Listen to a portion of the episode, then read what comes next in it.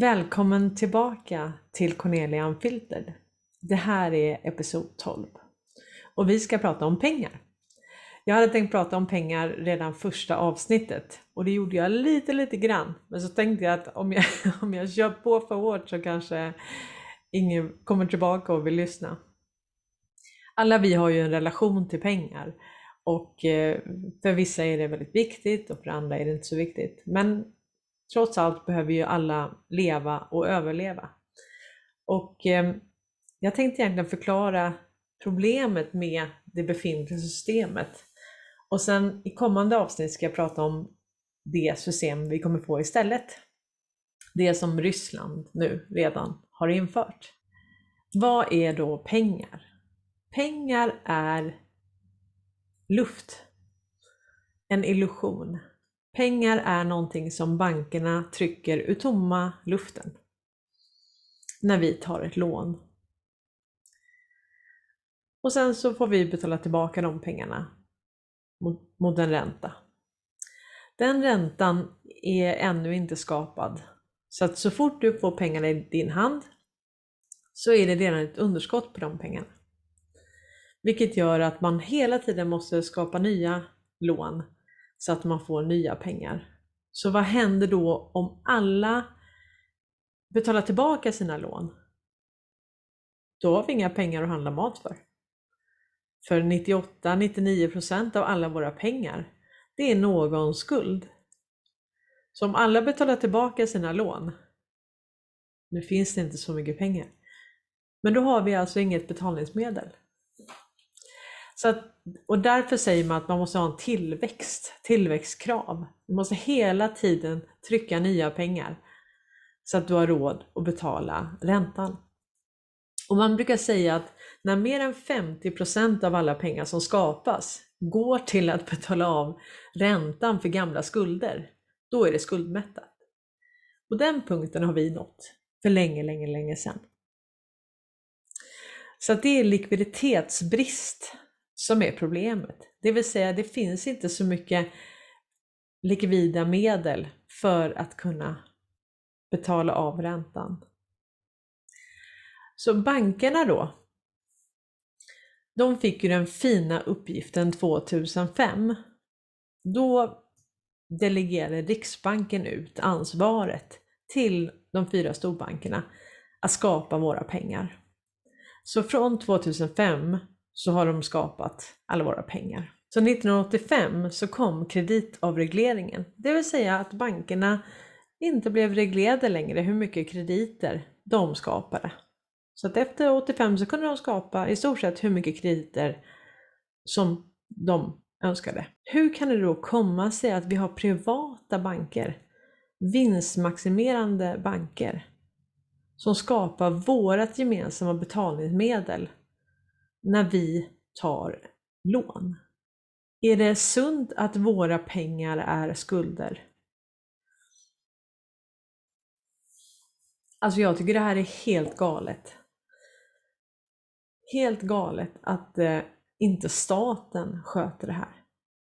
Varför vill inte staten sköta det här? Varför har man delegerat eller outsourcat det här till bankerna? De här bankerna de gör ju precis som de vill. De kan ju bestämma att du inte får ta ut dina pengar. Du får inte flytta dina pengar. De kan till och med neka folk att ha ett bankkonto. Och det ska de egentligen inte kunna göra enligt lag. En annan sak som de också nu nekar, det är ju mobilt bank-id. Men det behöver du för att kunna nyttja vissa funktioner i samhället. Så GW Persson han fick ju göra en folkbildningsinsats när han gick ut och så sa han det, han skulle vaccinera sig då. Och så sa han att det är ju helt galet att han måste ha ett mobilt bank-id från en privat aktör för att kunna nyttja en statlig tjänst, det vill säga att få sitt vaccin. Och det här är ju ingenting vi har hört tidigare på det viset, att man skiljer på stat och bank, utan många tänker ja men Riksbanken den är nog statlig på något sätt och det är nog Riksbanken som trycker pengar och eh, att om du eh, du sätter in 100 kronor, ja men då har banken 100 kronor att låna ut till någon annan. Men så fungerar ju inte det.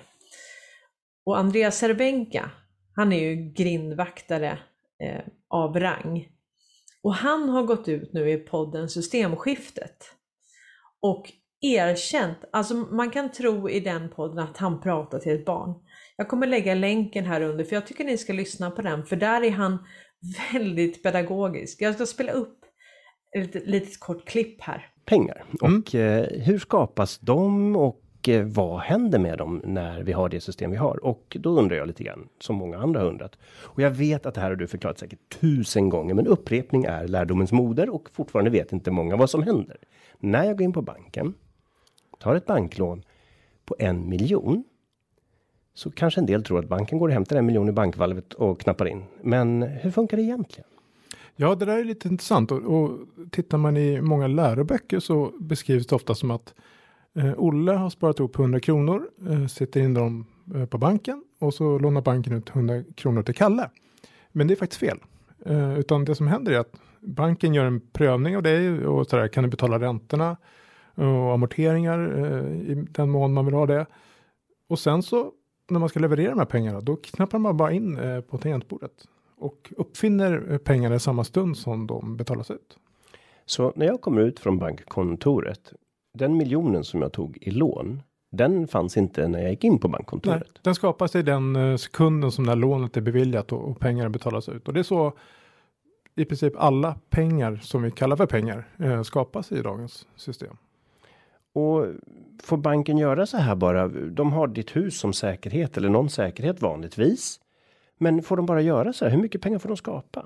Ja, men det där är en väldigt bra fråga. Eh, det man kan säga är att det som händer då är att banken eh, skapar eh, en tillgång, nämligen en fordran på dig. Och sen skapar de också en skuld samtidigt som är lika stor, nämligen skulden är att de ska betala ut pengarna till dig och du kan ta ut dem från bankkontot och, och sätta in någon annan bank eller göra någonting med dem. Eh, men hur mycket kan man skapa? Jo, tittar man tillbaka om man tar lite helikopterperspektiv så eh, fram till 1971 så hade vi ju ett system som kallas för guldmyntfoten eh, eller Bretton Woods hette det på sluttampen eh, där man pengars värde var kopplat till till guld. Men sen dess kan man säga att vi har ett system där pengar är enbart baserade på förtroende. Eh, och så teoretiskt sett kan de skapa väldigt mycket pengar. Sen så finns det då regler, eh, så kallade kapitaltäckningsregler som säger att banken får inte låna ut eh, för mycket i förhållande till aktieägarnas kapital. Eh, och det finns andra regelverk. Men man, om man som ser vad som hänt de senaste 20-30 åren kan man se ganska lätt att de eh, reglerna har i praktiken varit ganska svaga. Eh, för det som händer är att Eftersom man oftast lånar ut eh, med säkerhet i form av till exempel bostäder och de stiger i pris. Då känner banken att den kan låna ut ännu mer pengar. Och det i sin tur driver upp priserna på, på tillgångar, vilket gör att banken kan låna ut ännu mer. Och den dynamiken har vi ju sett väldigt kraftigt sedan, eh, sedan 80, 90 och 2000-talet. Så bankernas affärsidé är alltså att man kan rea ut den vara man kan producera nästan oändligt av, nämligen pengar. Och då ja. vill folk ha ännu mer och då är det ännu mer lån. Lite så. Och man skulle nog aldrig komma hem från en möbelaffär och säga så här. Älskling, jag fick ett försäljningslöfte av affären. Vi får köpa soffor för upp till 100 000. Men man kan vara nöjd när man kommer hem från banken och säger vi har fått ett lånelöfte. Men de banker, säljer, banker säljer ju pengar, det är det de gör. Så att man ska, man ska knappast vara tacksam för att man får, får köpa en vara. Och det glömmer man ofta bort att eh, eh, banker vill ju låna ut så mycket som möjligt. Eh, och särskilt när det gäller till exempel bostäder i Sverige, därför att risken är eh, förhållandevis låg. Så de har alla incitament i världen att låna ut mycket pengar och det får ju stora konsekvenser, nämligen att priserna stiger. Ja, då skulle det bli väldigt sårbart därför att en viktig eh, faktor när det gäller att försöka få upp tillväxten är att man ska få ihop tillräckligt mycket pengar för att betala räntor på de skulder man har skapat. Eh, och man kan ju tala om ett begrepp som kallas för skuldmättnad, att man har så mycket skulder i ekonomin att det bromsar i sig tillväxten. Och det ser vi, varför är det, man mäter ju alltid skulder i förhållande till BNP. Eh, och det blir problem då, till exempel under corona har ju skulderna ökat väldigt kraftigt. Samtidigt som BNP har sjunkit, så den här kvoten har ju stigit. Och det är, varför är det problematiskt? Jo, någonstans illustrerar det vad är din betalningsförmåga för den här skulden? Eh, och nu kan man se de senaste åren har ju inte det synts så mycket därför att räntorna har varit låg, det vill säga att räntebetalningarna är låga. Men det är latent ett uh, jätteproblem och någonstans är ju att låna är ju att inteckna framtiden. Alltså det som... Karl Norberg från Det Fria, han har ju haft diskussioner med Cervenka där Cervenka inte har erkänt att det finns någonting som heter skuldmättnad. Fast det finns i alla andra språk i stort sett. Men svenskan, nej men där har vi inte det. Det finns ingenting som heter det. Utan du kan egentligen, det är bara the sky is the limit. Bara tryck nya pengar. Tryck hur mycket som helst. Det finns inget kakel. Men hur kan man ens tro på det? Det ska ju betalas tillbaka en dag. Men om vi säger så här. Vad har de för rätt till de här pengarna egentligen? Alltså om vi säger att de har tryckt de här pengarna ur tomma luften och de ska tillbaka dem med räntekostnad. Så de ska tillbaka det de har lånat ut plus lite till. Vad har de för rätt till de pengarna? Vad har de gjort för att kunna förtjäna de pengarna egentligen? Alltså vi har ju något som heter ockerränta. Ocker. Det handlar om att du ska kunna ha en motprestation hela tiden. Men vilken motprestation har banken om de trycker 1 och 0 på en skärm? Och sen tar de då ränta av dig 30 år. Det är inte proportion. Det är inte proportionerligt den insatsen de gör. Mot. Så det är ocker. Och det är olagligt enligt i stort sett alla länders grundlag, däribland Sverige, Sveriges gamla grundlag. Många tänker att det här finansiella systemet är så gammalt, att det alltid har varit så här. Men det har det inte. Jag ska gå igenom några viktiga årtal så man ser hur mycket det här har förändrats över tid. 1930 grundades BIS, Bank of International Settlements. Och det är egentligen Riksbankernas riksbank.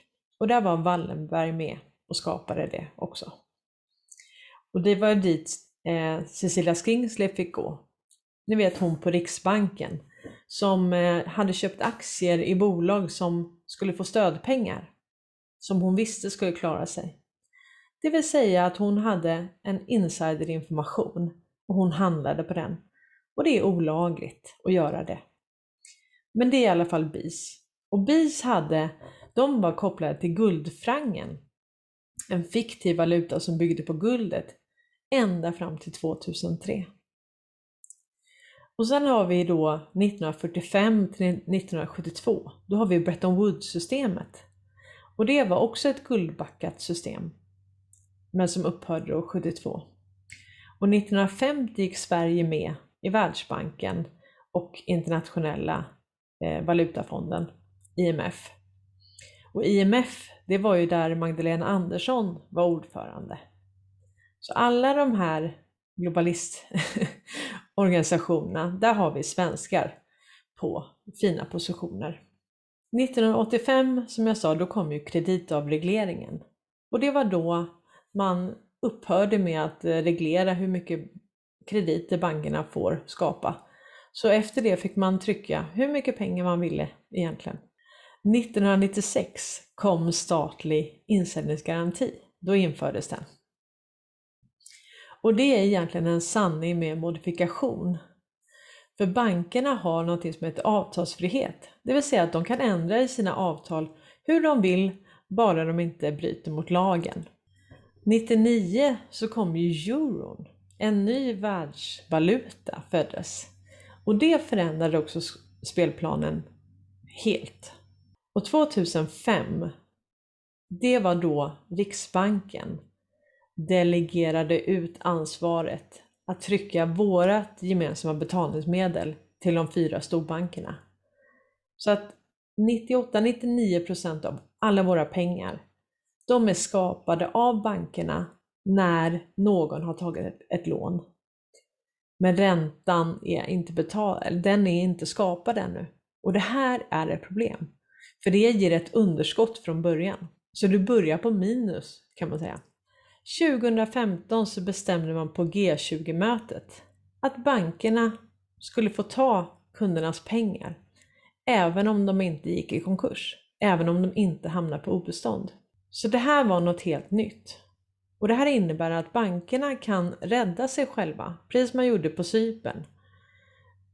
Och bara ta kundernas pengar. Du får inte ut dem. Samma sak hände i Libanon. Och jag menar, det är så liten andel av våra pengar som finns i kontanter. Så att om alla skulle vilja ha ut sina pengar samtidigt så finns inte de här pengarna. Och skulle vi ta alla pengar som finns och betala av alla skulder så skulle det inte täcka i närheten av alla skulder ens. Och då har du all räntekostnad. De pengarna finns ju definitivt inte då.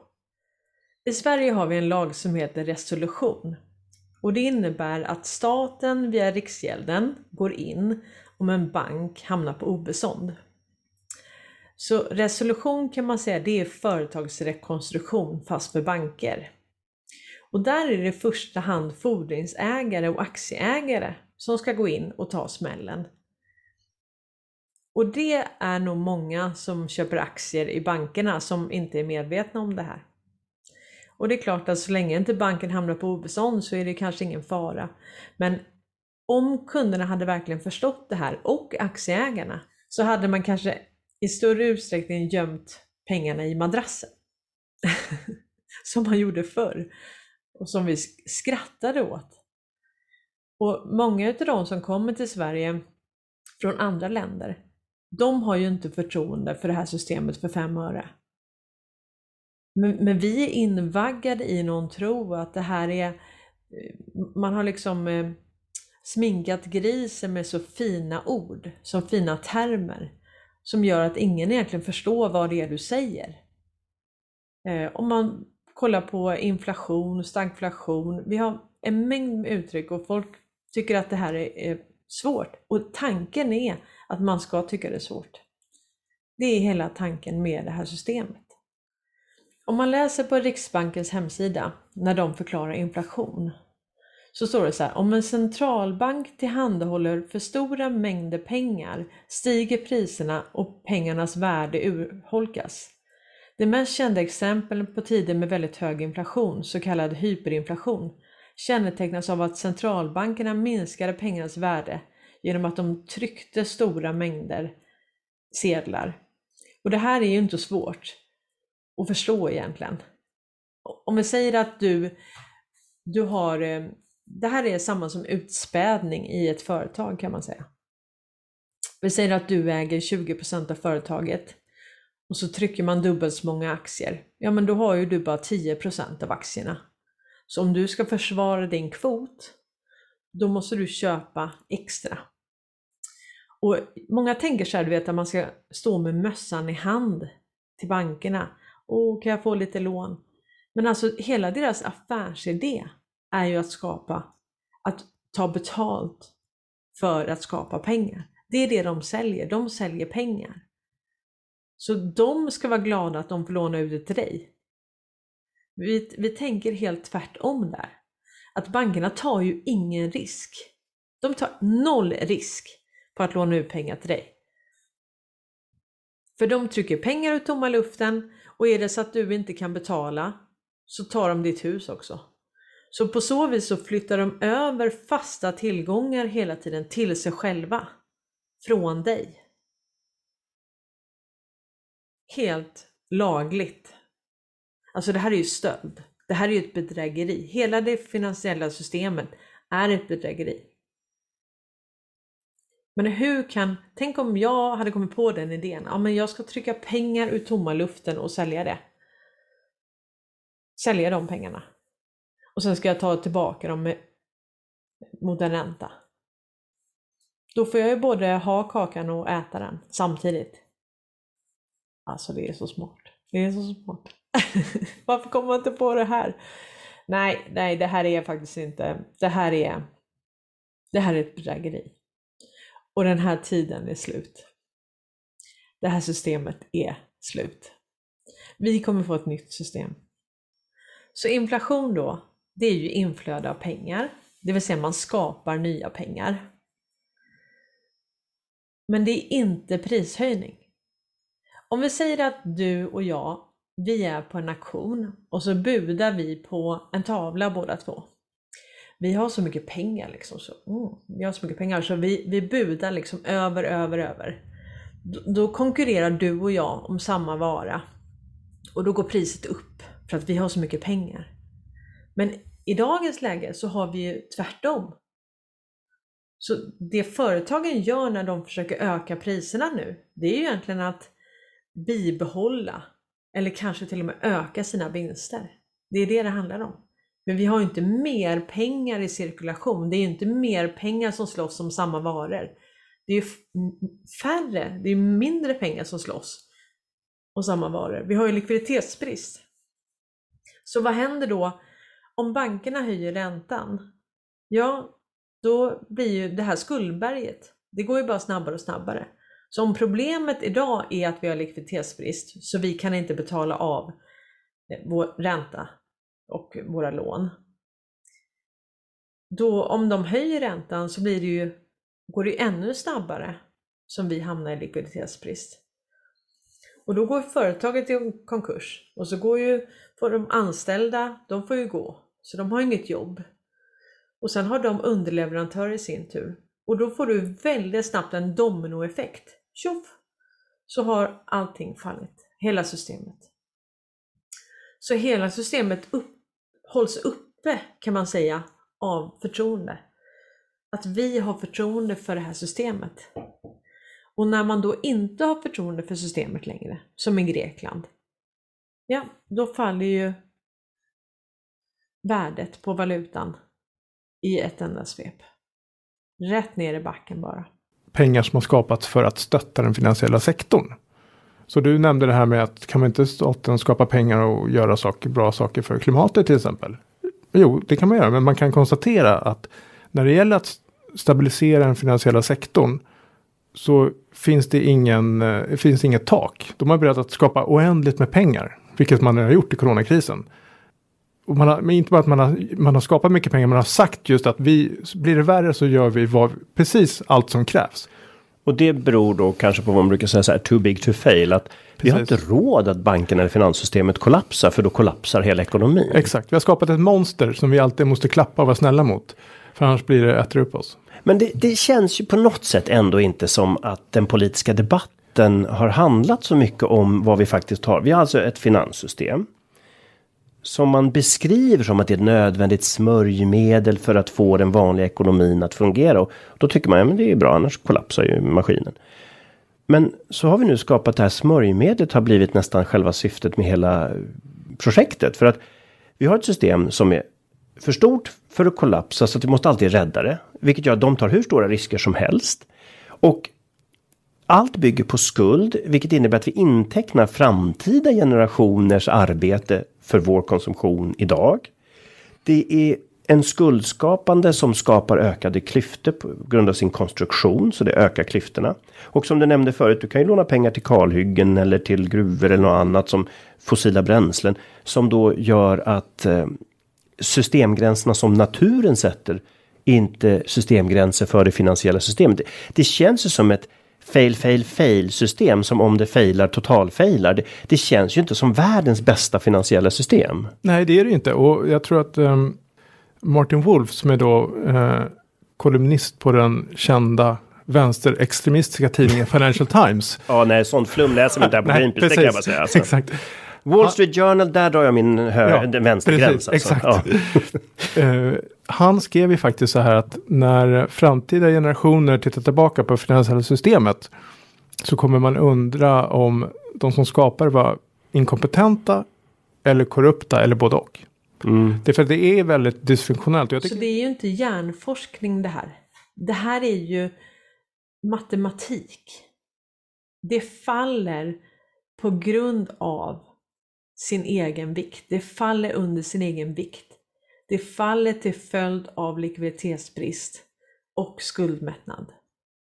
Det vill säga, så stor andel av alla nya pengar som trycks går in till att betala av räntan på gamla skulder.